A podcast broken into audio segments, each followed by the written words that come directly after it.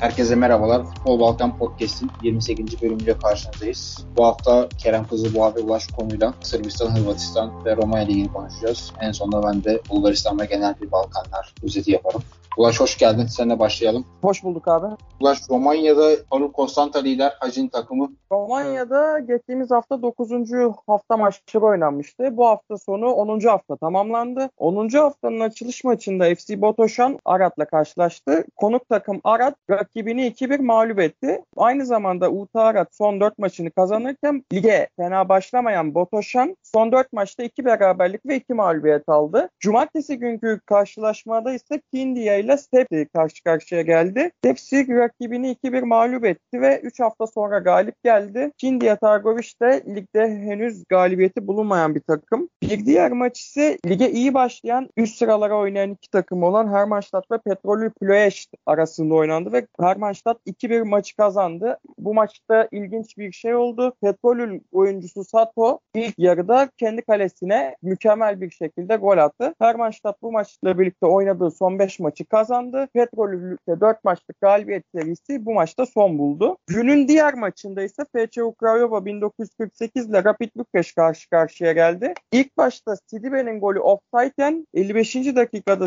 da VAR incelemesi sonucu offside geçersiz oldu ve Sidibe takımını öne geçiren golü attı. Tabii bu maç bir yandan da olaylar vardı bu maçta. Rapid Bükreş kaptanı bir dönem Denizli Spor ve Kayseri Spor'da da oynayan Sapunaru ile FC Ukrayova antrenörleri arasında bir gerilim meydana geldi ama sonuç tatlıya bağlandı. Bu maçla ilgili söyleyeceklerim FC Ukrayova son 3 maçını kazanırken Rapid'in 4 maçlık yenilmezlik serisi bitti. Liderin maçına geçelim. Farul Konstanza ile FC Argeş karşı karşıya geldi. Farul liderliğe yükseldi. Argeş de üst üste ikinci yenilgisini aldı. Cluj ile Üniversite Craiova arasında bir karşılaşma oynandı. Cluj 2-0 kazandı. Cluj'un golünü eski Seska Sofia Carlo Muhar atarken ikinci gol Craiova forması giyen Valeri Kagaman'ın kendi kalesine attığı ilginç bir golle oldu. Cluj de üst üste ikinci kez kazandı. Üniversite Craiova ise toplamda 10 haftası oynanan Süper Liga'da 3. mağlubiyetini aldı. Mioven 0, Üniversite Cluj 1. Üniversite Cluj ilk galibiyetini aldı bu galibiyet galibiyetle FCSB kaba tabiriyle Steaua Bükreş 1, Voluntari 1. Bu maç berabere bitti ama FCSB için gidişat iyi gitmiyor. Süper Liga ile ilgili aktaracaklarım bu kadar. Başka aktaracağın notları var mı peki ligle ilgili? Lider Hacı, ikinci sırada Rapid var. Yeni çıkan Hermannstadt üçüncü sırada yer alıyor. Gol krallığı ile ilgili bir şeyler söylemek istiyorum. Süper Liga'da şu anda gol krallığı konusunda Andrea Compagno FCSB forması giyiyor. FC Craiova'dan transfer edildi. İyi bir performansı var. Aynı şekilde Hermannstadt'ta oynayan Baba Alhassan ve Paraskiv'de iyi performans sergiledi. Şimdi ise ikinci ligde oynanan ölümsüz derbi Dinamo ile CSKA Steaua arasında. Derbide Dinamo Bükreş tabi sezona kısıtlı imkanlarla başladı ve son birkaç senedir Romanya'da kümede kalma savaşı verirken bu sene playoff'ta Üniversite Kulüce yenilerek bir alt lige düştü. Onun dışında CSKA Steaua ile FCSB aynı CSKA Sofya CSKA 1948 tarzında iki tarafta benzer. Derbi CSKA Steaua 2-1 kazandı. Romanya Bükreş'te ulusal stadyumda oynandı derbi. Seyirci rekoru kırıldı. İki tarafında çeşitli koreografileri vardı. Dinamo Bükreş cephesi Krini yani Rumence'de köpekler anlamına gelen kulübünün logosu olan köpeklerle ilgili köpekler yazan bir koreografi yaparken Star Bükreş'te Şeykare No Outradat yani ihanet etmeyenler koreografisini yaptı. Öte yandan Dinamo tribünleri daha çok Deo'ya atıfta bulunan 8 yıllık sahte derbi, domine ettiğin güneyle kavuşma sana kabuslar yaşattı gibi, gururlu Steo'yu cenazeye götürdüğün gibi Steo'ya mesajlar bir yandan da Cici Bekali'ye de göndermelerde bulundu Dinamo taraftarı bu derbiden. Kerem sen de hoş geldin. Dinamo Zagreb Chelsea maçıyla başlayalım. Şampiyon Ligi'nde haftanın sürprizlerinden birisiydi. Maxim 1'de kazanan Dinamo oldu. Takımın yıldızı Listav Orsic'in golüyle. Sen maçta neler gördün ve atmosferi bir anlatır mısın? Öncelikle elemelerden başlamak gerek aslında bu konuya. Dinamo Zagreb Bodo Grip'le eşleşti playoff turunda. Hani baktığımızda çok sert kayaya toslamıştı. Çünkü Bodo Grip önceki sene konferans liginde çeyrek final oynamış. Roma'ya altı atmış. 2-3 senede Norveç'te şampiyon oluyor ve Avrupa'da ortaya koyduğu ofansif oyunla çok adından bahsettiriyor. Sükse yapmış bir takımdı. Öte yandan Kızıl Yıldız'da ikinci eleme turunda Olympiakos'a 4 atmış. Bir Maccabi Haifa ile eşleşti ama Olympiakos zaten çok kötü. Derim ki hani Maccabi iyiliğinden ziyade Olympiakos çok kötü. O yüzden 4 yedi. Bu eşleşmede Yugoslavya bölgesini temsil edeceğini düşündüğüm takım Kızıl Yıldız'dı. Ama çok büyük bir şekilde yanıldım. Hepimiz yanıldık. Sinerji, ortam falan da bunu gösteriyordu. Kızıl Yıldız'ın tur atlayacağını gösteriyordu. İsrail'de üçgenliler ve İsrail'de şunu gördük. Maccabi Haifa hiç de boş bir takım değil. Şu an 18 milyon kadroları var. Şampiyonlar Ligi'nin en ucuz takımı piyasa değeri olarak. Yani çoğu Anadolu takımından da daha düşük bir kadro değerine sahipler. Ama hiç de boş bir futbol aklı olarak gerçekten iyi bir takım olmuş Maccabi Haifa. Piero Fransa'dan geldi. Amerika'dan yetişmiş. Ben onu Fransa'da yetişti diye biliyorum ama Haiti'liymiş. 27 yaşında ve tam bir pırpır. Hani hem hızlı hem fizikli hem bitiriciliği var. Tam bir pırpır yani. Onun dışında Tiaron Cherry Kayseri Spor'dan hatırladığımız 34 yaşında fitliğinin hiçbir şeye getirmemiş. Futbol aklı olarak çok şey kazanmış. İsrail'de. Biz bu eşleşmede izleyemesek de Maor Levi 22 yaşında takımın geleceği olarak görülüyor. Maccabi Haifa gerçekten iyi bir takımdı. Maç önde başladı İsrail'de. Kızıl Yıldız ondan sonra birazcık kalitesini koydu maçı çevirdi. Ama sonra rolantiye aldı ikinci yarıda. Maccabi Haifa'da 3-2'lik skorla bunun bedelini ödetti. İlk maç 3-2 bitti. İyi bir skor. Ha, deplasman golü olsaydı Kızıl Yıldız daha avantajlı olacaktı ama kötü bir skor değil. Maç ortada geçmiş biraz. Kızıl Yıldız'ı deplasmanda iki gol bulmayı başarmış. Marakan'da harika bir atmosfer önüne çıktı. Şampiyonlar Ligi marşı, muhteşem bir seyirci. Yani dedik tur çevirecek her şey sahipti. Burada Stankovic'in çok egoist bir ısrarı devreye girdi. Bunu ligde yaptı. Değişikliği Avrupa'da da yaptı ve Krings Kangba, Gaeler Kang ikilisini bozdu. Kangma'nın yanına Sırnic ile başladı ve bunu ısrar etti maç boyunca. 2-0 öne geçti Kızıl Yıldız. İlk yarı fırtına gibi esiyordu. Derken çok garip bir gol yedi. Penaltıyı kaçırdı Maccabi Haifa. Borjan sevinirken neredeyse 40 metreden çok saçma sapan bir gol yedi. Bu golle biraz sinerjisiyle oynadı Kızıl Yıldız'ın. İkinci yarının başında tabelada Krins Kanga vardı. Dedim herhalde bu sene hiç alacak. Kanga ikilisine geri dönecek derken bir baktım Kanga çıkıyor. Çıkan oyuncu çok tepki gösterdi ondan sonra. Sinerji de bozuldu. Maccabi Haifa arka top oynadı. Son dakikada Milan Pavkov kulüpteki son maçıydı. Sonra Arabistan'a satıldı. Kendi kalesine gol attı ve Kızıl Yıldız elendi. E, zaten hani lig birazcık ceplerinde. Onların bu seneki en büyük hedefleri tekrar Şampiyonlar Ligi'de temsil edilmekten. Seneye edilecekler her türlü ülkenin lig sıralamasından dolayı ama iki senedir uzaklar Şampiyonlar Ligi'nden. Avrupa Ligi'ne gidebilecekleri yere kadar gittiler. Ayak bastı parası da var tabii ciddi bir şekilde. Hani Şampiyonlar Ligi'ne temsil etmek gibi bir hedefleri vardı. Bu hedefi gerçekleştiremeyince Stankovic tırnak içinde istifa etmek zorunda bırakıldı. Milan Pavkov Arabistan'a gitti. Oyamoyan Yufa forma şansı bulamadığını söyleyerek Brogby'ye gitti. Bu boşluğu Kolibali ile doldurdular 31 yaşındaki Fransız santrafor. Paris Saint Germain'e bakıyorum B takımına forma giymiş, Gent'te forma giymiş, Nant'ta forma giymiş. Henüz beklenen patlama yapamadı ve Kızıl Yıldız'ın sene başında yakaladığı muhteşem sinerji maalesef birazcık bozuldu. Bizim ummadığımız taş başımız yardı. Dinamo Zagreb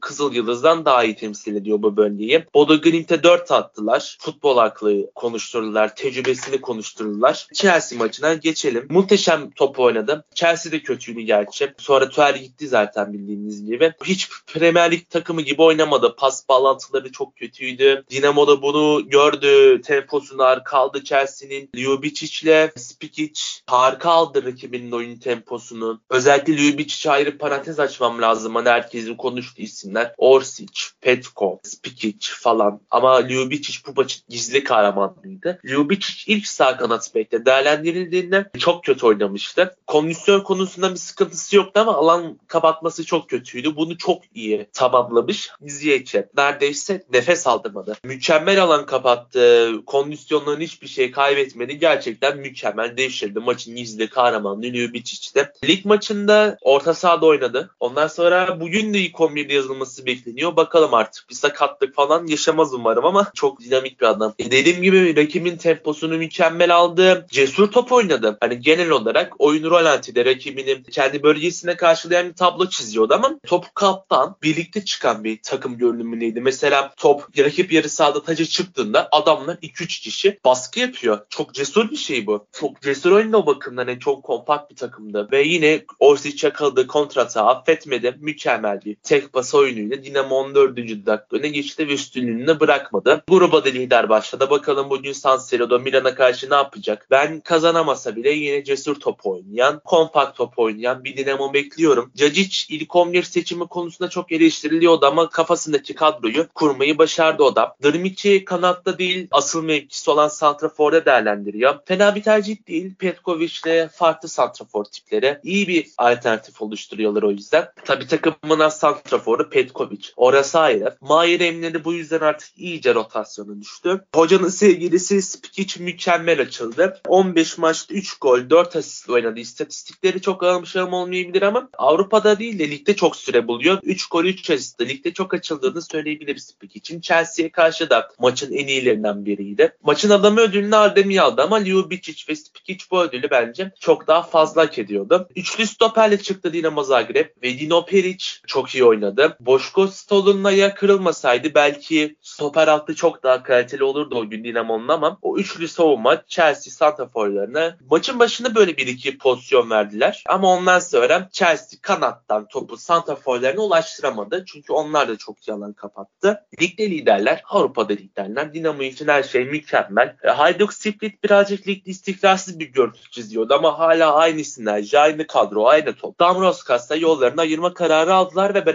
anlamayacağım. Hajduk Split taraftarı da anlayamıyor. Geçici hoca ile birlikte derbiye çıkıyorlar. Riekan'ın da bir hoca değişikliği söz konusu. Şu an maç eksiğiyle ligin son sırasına demir atmış durumdalar. İlk hafta maçını kazandılar. Ondan sonra hiçbir maçı kazanamadılar ve İtalyan ekolünü takımın başına geçirdiler. Serse Kozme birazcık bilinen biri. Dinamo maçından önce açıp izleyebileceğiniz Badriyatik derbisi olacak. E bir de gol krallığını ben aktarayım. Tabii ki yine Yıldız Stavokcic. Dinamo Zagreb'den 6 golle lider. 5 golle Dion Belio var Osijek'ten. 4 golle Marco Livaya var Haydut'tan ve Anterzek Istra'dan. O zaman geçelim Sırbistan Ligi'ne. Yani Sırbistan Ligi'nde Kızıldız lider eksiğine rağmen. Burada bir Novi Pazar gerçeği var. Geçen sezon playoff'ta ligde kalmayı başarmıştı. Şu an 3. sıradalar bu hafta Novi Pazar evinde Kızıldız'a yenildi. Fakat burada bir son dakikada bir verilen golde bence bir hata var orada. Var. Ama Sancaklı bölgesi Boşnakların takımı Pazar lige acayip iyi başladı. Partizan maç eksiğine rağmen şu an 7. sırada. Onlar yine bir böyle zorlayacaktır ama Kızıldız sıkılmadan gidiyor. Artı 24 averaj. Bir de ligi konuşalım buyur. Kızıl Yıldız'dan biraz bahsetmiştim. Ligdeki sinerjileri biraz bozuldu ondan sonra. Partizan derbisinden beraberlikte ayrıldı. Atmosfer harikaydı yine. Bakatapola maçı oldu. O maçtan da beraberlikte ayrıldılar. Maç eksiğine liderliğini verdiler. Novi Pazar'a karşı çok zor kazandılar. 7 galibiyet üst kazanmış bir Novi Pazar vardı. Liderlik maçıydı ama yani şöyle anlatayım. Kızıl Yıldız'ın kadro değeri 55 milyon. Novi Pazar'ın kadro değeri 6 milyon. Her şey ortada gibi aslında. Ama Novi Pazar gayet iyi direndi ve Kızıl Yıldız maçı ancak tartışmalı bir son dakika golüyle kazanabildi. Alexander Pesic. Novi Pazar ilk üçte tamamlar hani çıkar işi geçer. Avrupa kupalarına katılır ki öyle bir şey yaparlarsa Novi Pazar adına tarihi bir sezon olur. Ve ben söylüyorum ben aslında Sırbistan Ligi'nde çok az da olsa Kızıl Yıldız'ın sempatim var diyorum kendi aramızda ama Novi Pazar bu seviyelerde olacaksa hani senin de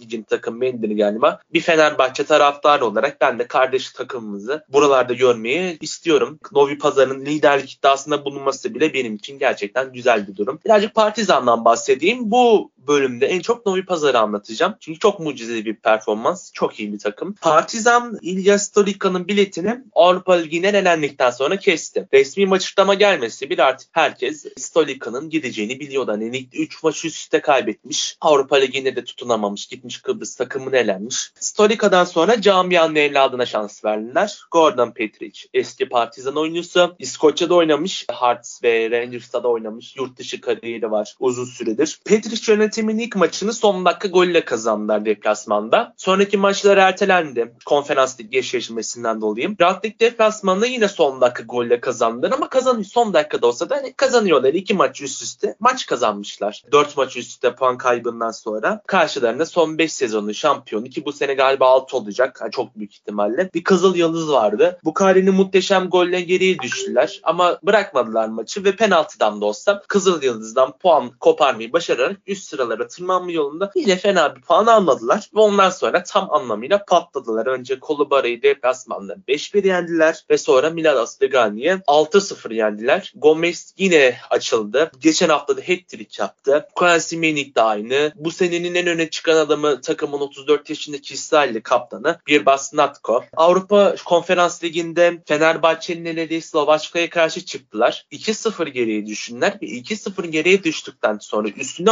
10 kişi kaldılar ve maçı 3-2 çevirmeyi başardılar. Sonra bir gol yediler. 3-3 oldu. Hani baktığımızda gerçi grupta Köln var, Nice var. Hani bunlar Slovaçka'dan çok daha güçlü takımlar. O yüzden Partizan'ın gruptan çıkması için hani Slovaçka'ya karşı taviz vermemesi lazım aslında. Dediğim gibi 10 kişi kalmış. 2-0 geriye düşmüş bir takıma göre mükemmel bir sonuç aldılar. Stolika dönemine çok dağılmış bir Partizan vardı. Petric bir şeyleri toparlıyor yavaş yavaş. Trabzonspor'dan gelen Fosene Diabate'de açılmışa benziyor. 11 maçta 3 gol. 3 asist oynadı. %29 gol katkısıyla oynadı ve düzenli olarak da kadroya girmeyi başarıyor. Ve Novi Pazar'a geçelim. Takımın maçında Vladimir Gacinovic var. Sene başına geldi. Hocalık kariyerinde yurt dışında çok düşük seviyeli bir de olsa Sudova, Litvanya liginde de olsa hani yurt dışı görmüşlüğü var yardımcı antrenör olarak. Sonra kendi ülkesine döndü. Ratnik İniş ve Spartak Sabo'yu çalıştırdı. Süper Lig'de görev alan deneyim kazanan bir hoca. 55 yaşında genç de değil yaşlı da değil. Novi Pazar'ın başında ilk 3 maçın yenildikten sonra takıma bambaşka bir sinerji aşıladı. 6 milyona rağmen çok şey bir kadroları yok aslında.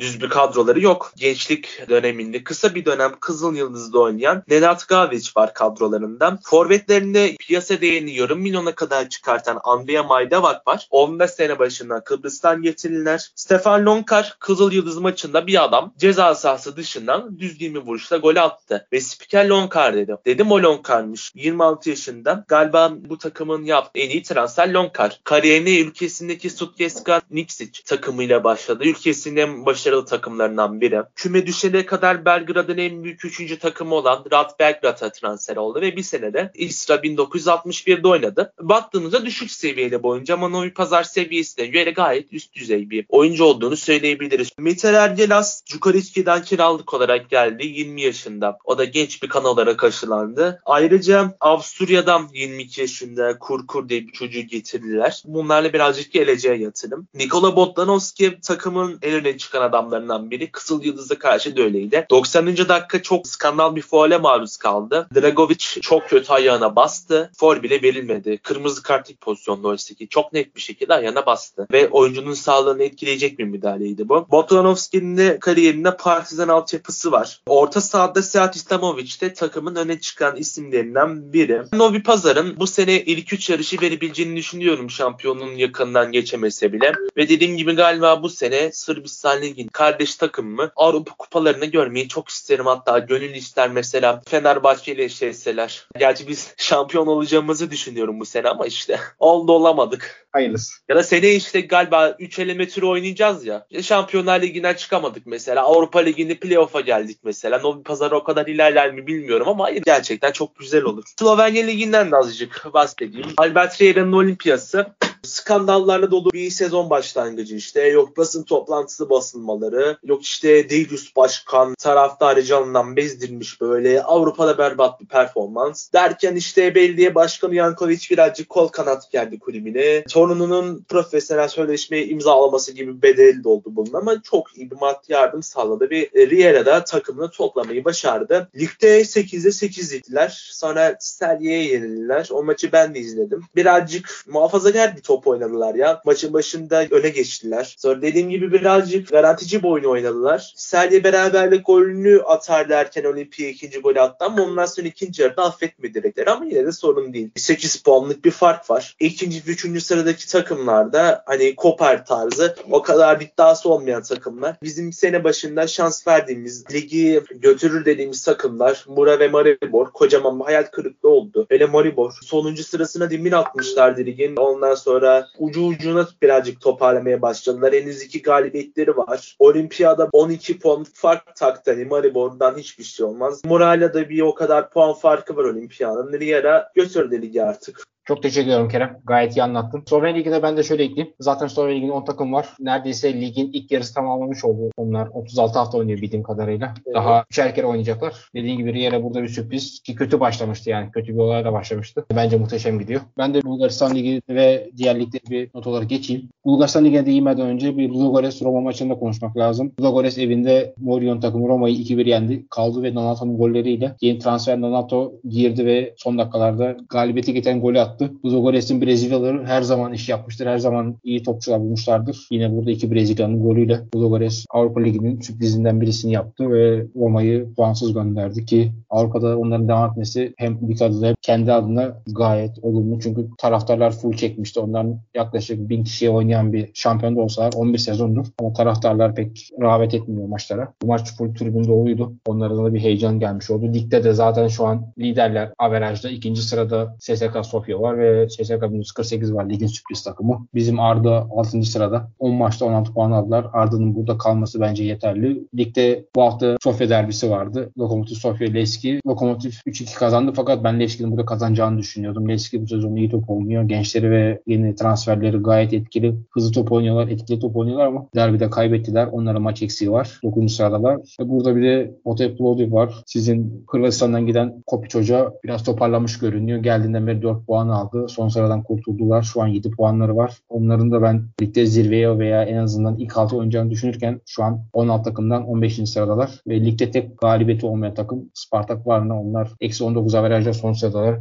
Baya baya kötüler. 10 maçta 1 puan alabildiler. Gol krallığında ise Ivalo Çoçev var. SSK 148'den. Çoçev zaten her podcast'te konuşmaya çalışıyorum. Çok değerli bir oyuncu. İtalya yapmış. Hala genç ve orta sahaya göre 9 gol atmış şu an. Mükemmel gidiyor. Ki sözleşme imzaladı. İkinci sırada Abubakar Tongara var Bero'dan. Ve 6 golle Dimitar Mitkov, Anton Baron ve Marcio Garces var. Onun dışında bir de genel olarak bir Balkanlar Ligi Arnavut Ligi'nde Partizan lider. Bosna Hersek Ligi'nde Tuzla City maç eksiğine rağmen zirvede. Hırvatistan seninle konuştuk zaten. Dinamo Zagreb açık ara önde şu an. Karadağ Ligi'nde 16 puanla Decic lider durumda görünüyor. Kosova Ligi'nde maç fazlasıyla Gilani lider durumda. Kuzey Makedonya'da bunu bir dahaki hafta Adem abiyle daha net konuşuruz. Sturga Trümlük 7'de 7 yaptı. Lider durumdalar. Bence büyük bir sürpriz. Sturga Trümlük'ün 7'de 7 yapması. Geçen sezon şampiyonu Şkupi hocasını gönderdi. Tekrardan yönetim değişti. Yeni bir başkan geldi. Eski hoca tekrardan geri getirildi. Onlar bu hafta kazandılar 5 golle. Şu an 4. sıradalar. Romanya'da Ulaş bahsetti. Hacın takımı Konstanta lider durumda görünüyor. Sırbistan'ı konuştuk zaten Kızıldız şu an ligin en iyi takımı. Senin bahsettiğin az önce detaylı olarak Novi Pazar 3. sırada. Onların başlangıcı çok büyük sürpriz. Slovenya'da da bahsettiğin gibi Olimpia Ljubljana Albetria ile lider durumda. Orada Mura ve geçen sezon şampiyonu Maribor'un kötü başlamasıyla ilk devreyi diyelim bayağı farklı önde kapattılar. Ve Yunanistan Ligi'nde de Panathinaikos 4'te 4 yaptı. Onların bu başlangıcı lig için bence gayet değerli. Çünkü Olympiakos Panathinaikos çekişmesi her zaman değerlidir. Onların ligi iyi başlaması ligin kalitesi açısından iyi olacak. Bu haftalık benim söyleyeceklerim bu kadar. Sizler de katkıda bulundunuz. Çok teşekkür ediyorum. Bir dahaki podcast'te görüşmek üzere. Hoşçakalın.